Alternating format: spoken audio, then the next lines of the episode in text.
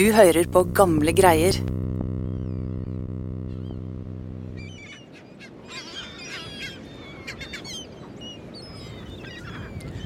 Det er våres. Kanskje så drømmer du om å kunne reise til ei hvitmalt hytte ved havet. Kom deg unna alt kaoset.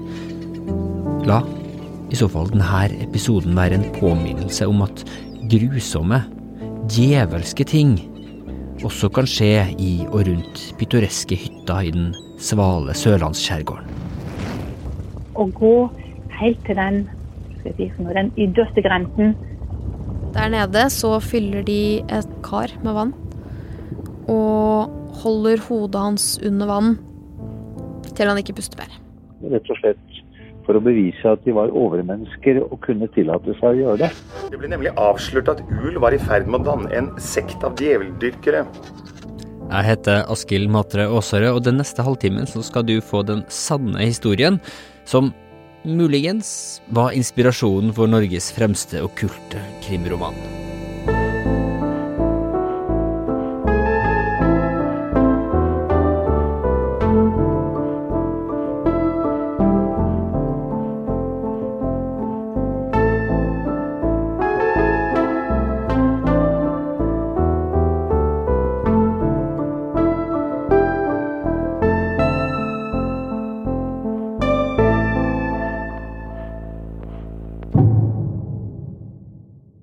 Hei, Live Wedeler Nilsen. Hei! Hei, Det er så koselig å ikke være alene i, i kottet mitt her. Ja, Koselig å se et eh, fjes i virkeligheten. Ja, uten den I denne episoden så skal Live, som er journalist og historiker her på Nasjonalbiblioteket, ta oss med tilbake et stykke i tid, til 1933. Hun har nemlig brukt den siste tida på å skrive om en bestialsk mordgåte, med noen okkulte overtoner, som har et drag av sørlandsvår over seg. Vi er eh, utenfor Kristiansand, i skjærgården i Byfjorden der. Og det er april, og det er eh, frisk vind og kveld. Og tolv eh, ungdommer mellom ca. 17 og 23, starten av 20-årene, er samla for å feire at tre av gutta har skaffet seg en egen hytte. Og den er det bygget selv og innredet selv. Så nå er det fest.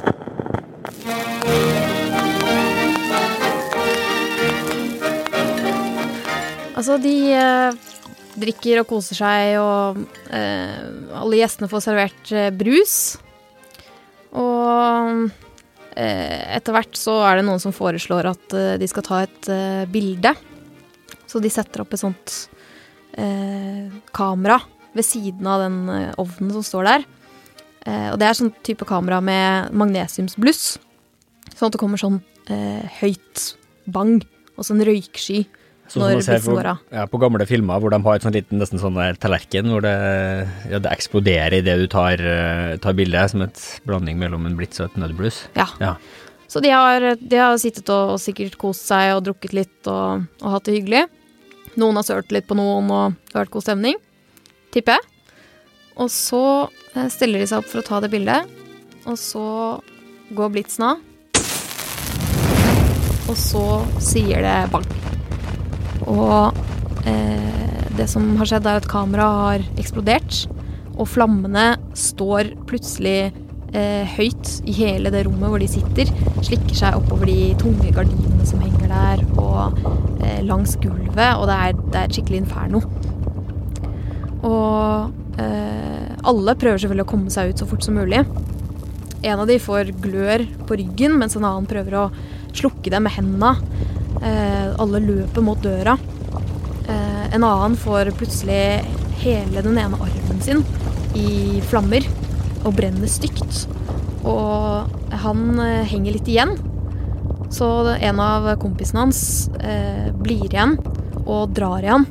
Og de kommer seg da ut som de siste denne, på denne festen. Kommer seg ut utenfor, og, og de blir stående da utenfor, og, og noen får slukka den, den armen som brenner. Ute på øya så står de tolv gjestene igjen forskremt utenfor et gigantisk bål. Og det her er bare starten.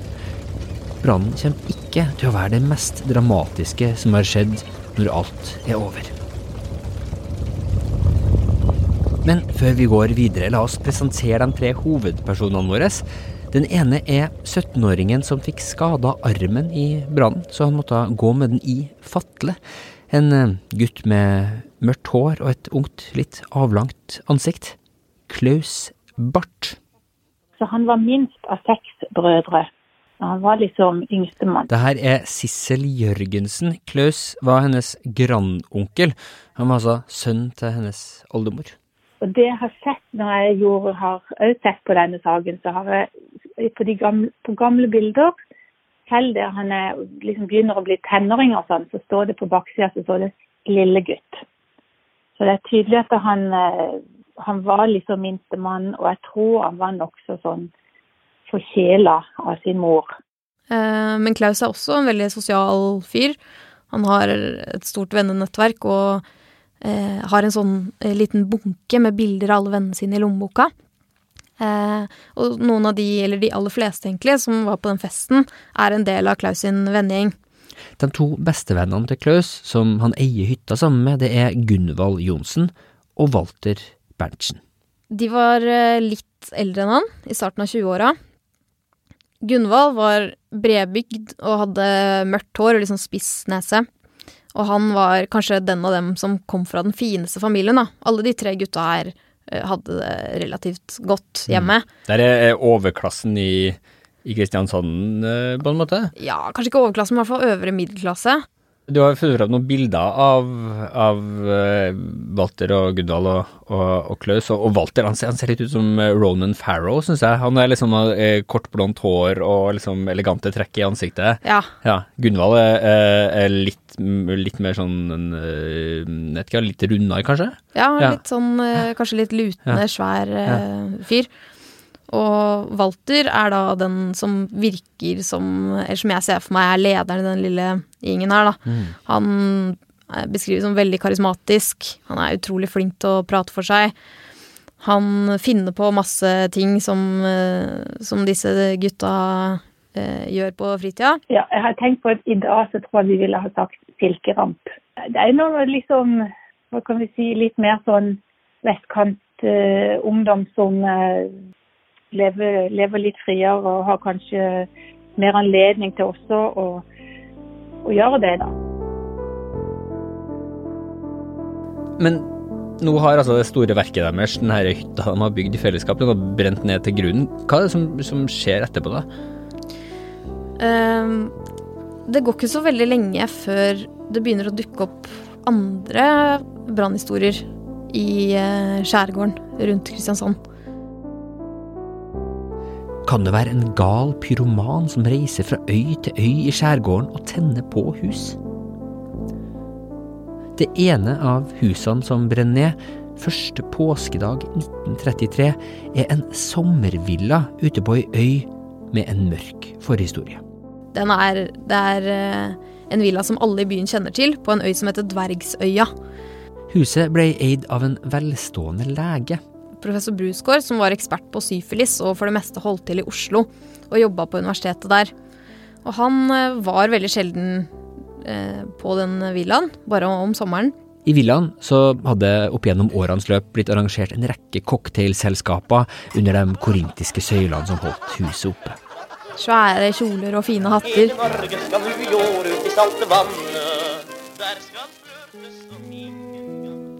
For å bestyre huset, så hadde professor Brusgaard ansatt en eldre fisker, Tobias Tellefsen, som skulle passe på at alt sto til som det skulle med villaen på øya.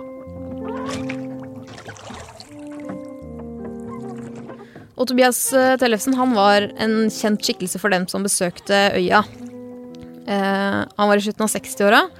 Var en ganske stille type som ikke gjorde så mye ut av seg og ganske godt likt i lokalmiljøet, da. Men han var aldri inne i selve villaen, men han var ofte å se utafor. Så de, den vennegjengen vår, da, eh, Klaus og Walter og Gunvald, de hadde han flere ganger når de var ute på øya der. Det var en tennisbane der som de pleide å, å spille tennis på. Eh, og en gang så hadde Walter og Gunvald tatt et glass øl med han. Så de, de visste hvem han var, og han var en, en relativt kjent skikkelse der. Og han er også den første i, i historien som da ikke kommer fra den eh, øvre middelklassen eller eh, borgerskapet i, i Kristiansand. Da. Ja. Og han var da satt til å passe på denne villaen som da plutselig, første påskedag i april 1933, sto i full brann. Villabrannen ble sett av ei brannvakt på fastlandet, og politiet ble sendt utover til øya. Og når de kommer fram i sånn halv fem-tiden om morgenen, så er det nesten ingenting igjen. Det er et glødende hav av aske og brente rester.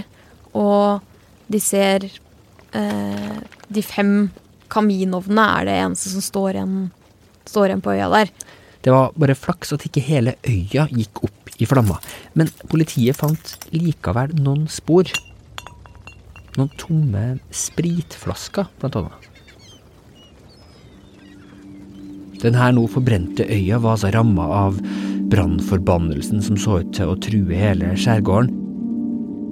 Men det var ikke første gangen et uforklarlig drama ramma øya. På 1600-tallet så bodde det en husmannskone som het Maren på Dvergsøya. Eh, og hun ble mistenkt for å være heks. Dette er jo i heksebrenningstiden i Norge. Og eh, da det gikk et forlis utafor Dvergsøya, så fikk Maren skylden for det. At hun med sine heksekunster skulle ha vært skyld i, i at eh, skipet sank. Og hun ble tatt inn til avhør, i anførselstegn, altså ble torturert. Og tilsto til slutt at hun hadde flydd ned til skipet og gjort en pakt med djevelen, som var utkledd som en prest, om å senke dette skipet. Og etter den tilståelsen eh, så ble hun brent på bålet. Som en av de siste som ble brent som hekser i, i Norge i 1670.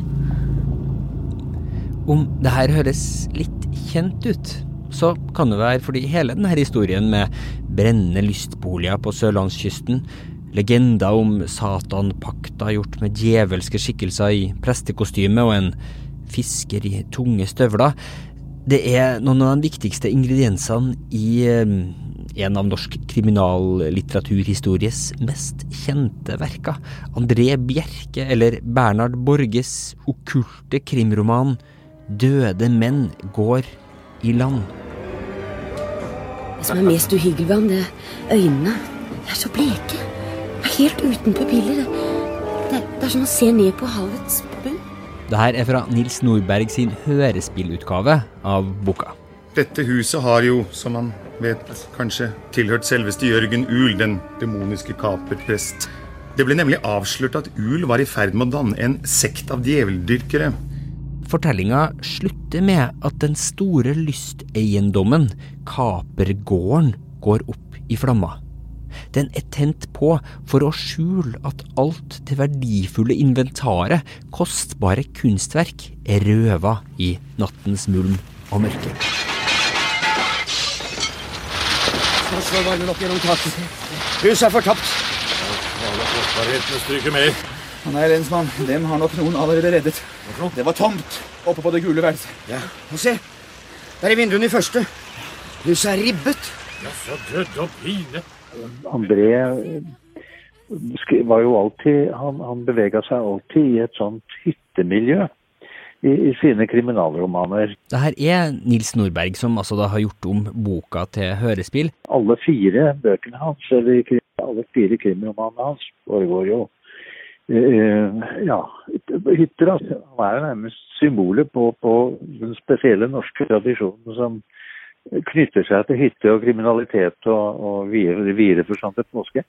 Men Nordberg vet ikke om André Bjerke, som skrev romanen på ei hytte i Ulvøysund utenfor Kristiansand i 1947, eller medforfatteren hans, Bjørn Carling, som også var med på å lage hørespillutgaven av, av historien, var inspirert av fortellingene om hekseprosessen mot Maren eller brannene i 1933. I Petter Nordmann Våge sin biografi om Bjerke så står det heller ikke noe konkret om inspirasjonen til romanen, så det er litt øh, vanskelig å konkludere. Jeg tror kanskje bare jeg skal la likhetstrekkene stå der, så får du som hører på, gjøre opp dine egne tanker. Men tilbake til virkeligheten. Etter påska 1933 så er det mye som lukter brent på øyene utenfor Kristiansand. Og ennå så har vi ikke kommet til mordet. Trioen Walter, Gunvald og Klaus står skaka igjen etter å ha mista hytta si. Klaus var jo veldig stygt skada. Hele armen hans hadde jo fått sterke forbrenninger. Så han måtte jo være Han var innom sykehuset eh, ofte for å bytte forbinding og, og sånn. Men eh, bortsett fra det, så, så, hadde det jo gått ganske bra. Det eneste var jo selvfølgelig den nye hytta deres hadde jo brent helt ned, og alt som var inni. Um, så de prøvde selvfølgelig å få eh, penger igjen på forsikringen, da. Og den forsikringen den hadde de inngått eh, ikke lenge før. Om det var en måneds tid eller noe sånt før, det husker jeg ikke. Men eh, den var forsikra for ganske mye penger. Til å være en liten brakke? Ja. ja. Um, og eh, det var en De hadde jo både forsikring på selve, selve bygget og på innboet. Etter hvert så begynner det i miljøet rundt trioen å gå rykter om akkurat det her innboet. Det blir jo sagt at en del av de møblene som var inni den hytta, var veldig fine. Eh, kanskje litt for fine til å tilhøre tre så unge gutter som tross alt ikke var de rikeste i Kristiansand. Og ingen av dem hadde en jobb som de gikk til hver eneste dag, så det virka jo litt rart, da. Og så var det blant annet snakk om noen stoler. Noen eh, veldig fine stoler i sånn lyst kalveskinn som hadde vært inni den hytta der. Og på et eller annet tidspunkt under den brannen så var det visst noen som hadde klart å få dem ut av hytta. Ellers hadde de stått utafor fra før av, men i hvert fall så eh, ble det sagt at av en eller annen grunn så ble de stolene i forvirringen under brannen båret inn igjen. Så alle møblene var forsvunnet. Og dessuten så er det noen av dem som sier at det lukta veldig rart av en del av møblene og til og med av noen av glassene. At det lukta litt sånn bensin, eller parafin. Litt sånn ja. sterkt. Litt sterkere enn vanlig alkohol, da, kanskje. Etter hendelsen så finner politiet noen bilder av de her møblene. Og det som alle de møblene har til felles, er at de ligner veldig mye på de møblene som står inne i professor Brusgårds villa, som nå er brent helt ned. Villaen som fisker Tobias Tellefsen var satt til å vokte for syfilislegen fra Oslo. Det er situasjonen 22. april 1933, når saken får et helt nytt gir. Det går fra å være en sak om en rekke mystiske branner, kanskje en pyroman som springer fra holme til holme i det her historisk okkulte området, eller noen alkoholikere som går amok, om en skal dømme etter flaskene som var funnet på det ene åstedet, til å bli noe mye mye mer og mørkere. Det er en fin vårdag, og Klaus har spist middag sammen med moren sin. Etter det så tar 17-åringen på seg sin uh, nypussa svarte sko, frakken sin og hatten sin, og følger svigerinna si sammen med dattera hennes i barnevogn til bussen, hvor han hjelper dem om bord. Og så vandrer han videre. Og da eh, forsvinner han. Ingen ser han igjen noen gang.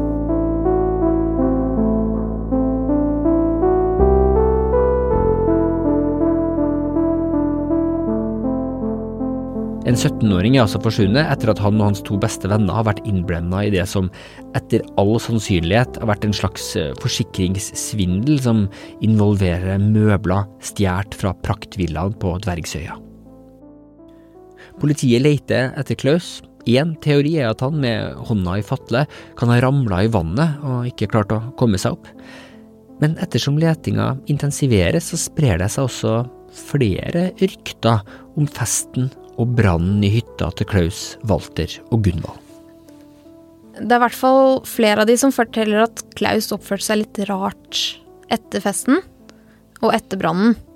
Og en av uh, jentene som var med på festen, hun uh, hadde vært og besøkt ham på sykehuset. Og han hadde da fortalt at han hadde følt at Walter hadde prøvd å holde han igjen, på et eller annet vis, da. Um, mens det brant.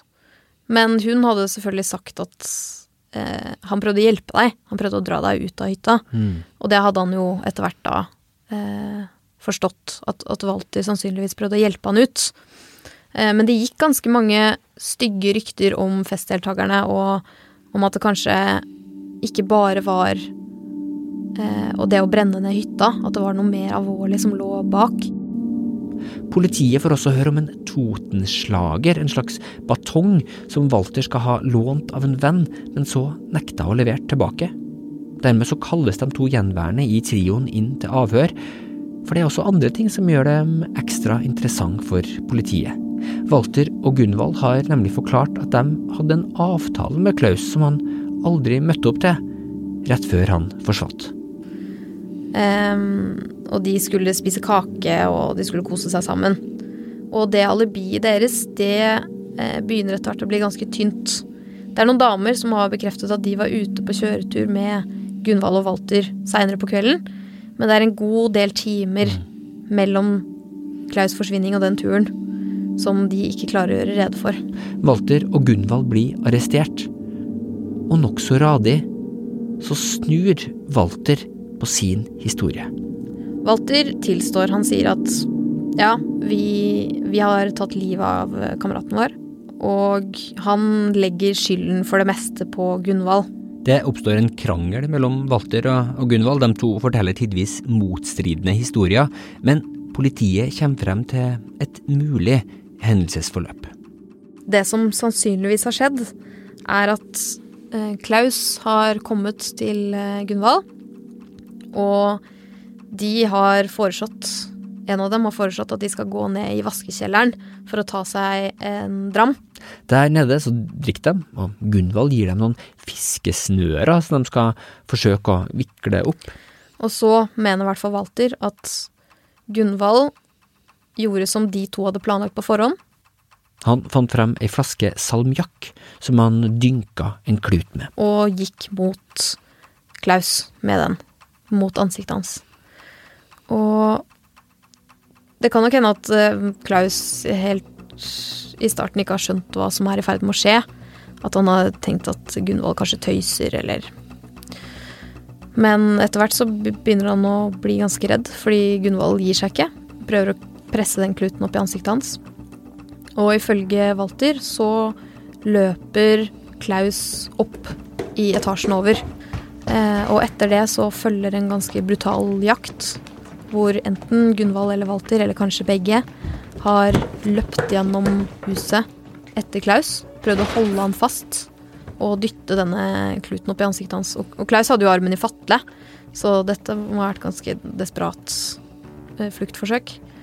Det ender med at eh, en av de slår han i hodet med denne Totenslageren, batongen, og han blir dratt etter beina bevisstløs ned igjen i vaskekjelleren. Der nede så fyller de et vaskefat med vann, eller et kar med vann, og holder hodet hans under vann til han ikke puster mer.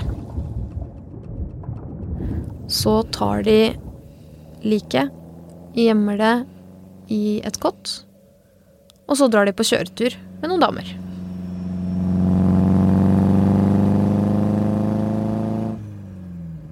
Dette er ikke et mord som er begått av en forsmådd fisker som har mista ansikt for eieren av villaen han skulle beskytte, eller en eh, hekseinspirert pyroman. Løsninga på saken er langt fra så okkult som døde menn går i land, men kanskje vel så djevelsk. Klaus er altså myrda av sine bestevenner. Så er spørsmålet hvorfor det? Det som kommer fram, er at Klaus var jo veldig tett med moren sin, og han var veldig ung, 17 år. Og eh, disse to litt eldre gutta har vært livredd for at han skal eh, oute dem, eller fortelle hva de har gjort.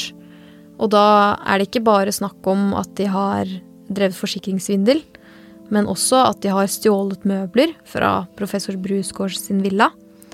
Og det kommer etter hvert fram at denne trioen har drevet med litt sånn luguber virksomhet eh, over lengre tid.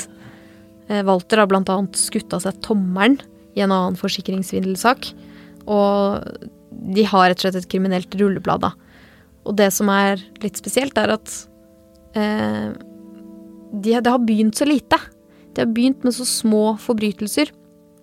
Og så har de gjort større og større ting for å skjule den forrige forbrytelsen. Ja. Altså den brannen på professor Brusgaards villa, den satte de jo på for å skjule at de hadde stjålet møbler. Og det er jo mye verre.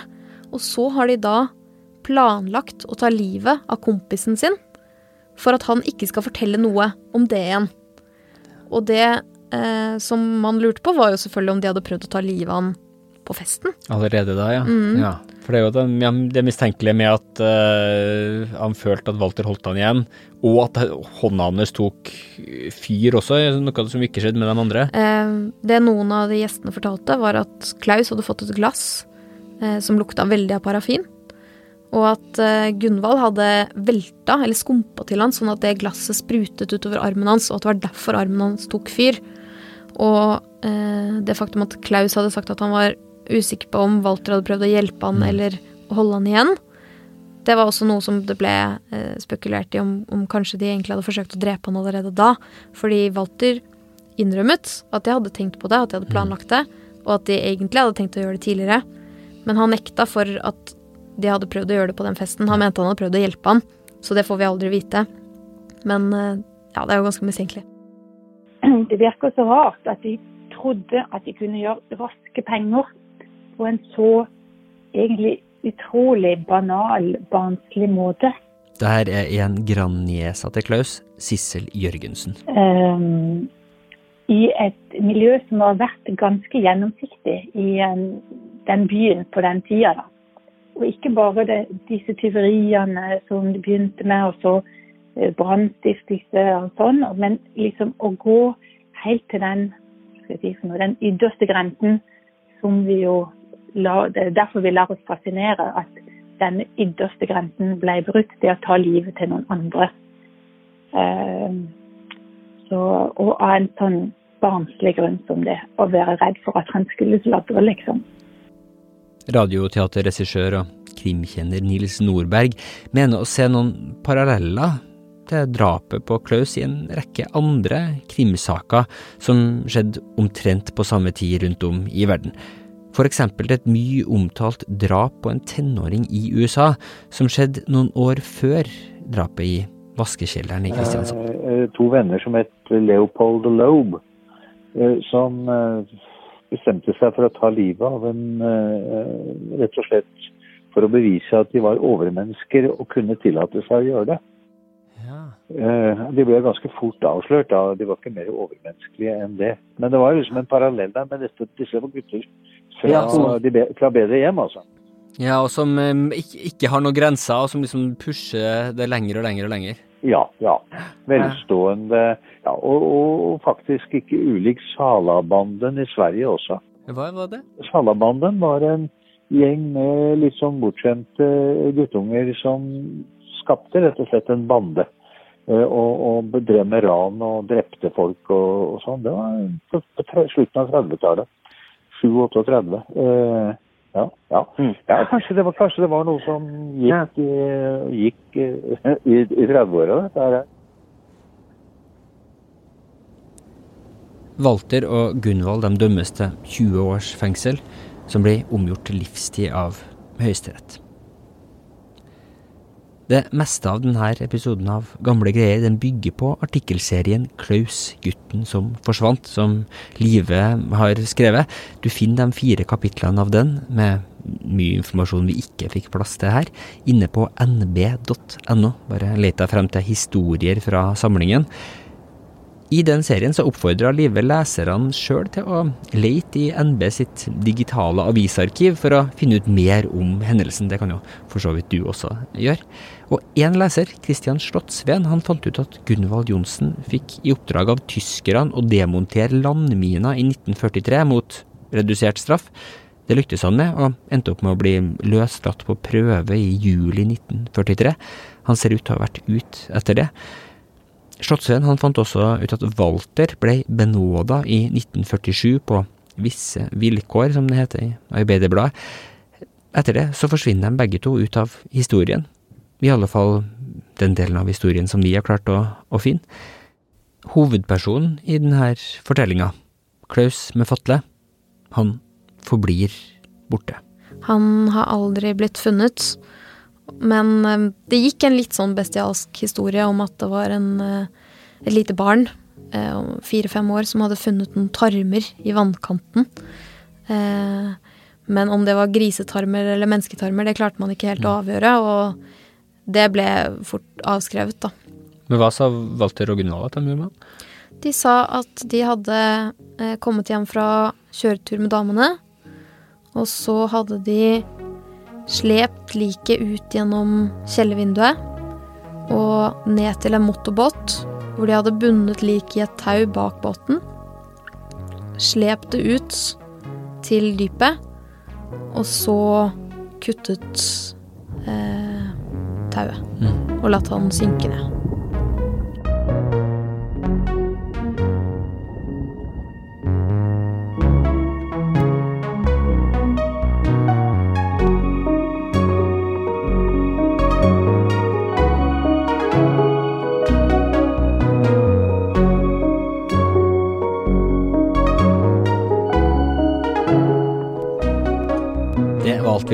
Denne episoden av Gamle greier. Om du liker det du hører så finner du flere dunkle drama og glemte liv eh, om du blar lenger tilbake i podkasten sitt arkiv. Og det her var den siste vanlige sendinga i denne første sesongen av Gamle greier. Men vi kommer tilbake med mer før sommeren inntrer, bare med litt eh, mer ujevn utgivelsesfrekvens. Vi skal holde deg oppdatert på det, og så håper vi å være tilbake med en vanlig sesong når vi nærmer oss høsten. Klippet fra Døde menn går i land, den var fra NRK Radioteatret. Og musikken til sommerfestene, som du hørte, det var Hankøvals, en slags sommerslager spilt inn av eh, Henshien Trio i 1933, og digitalisert her på Nasjonalbiblioteket.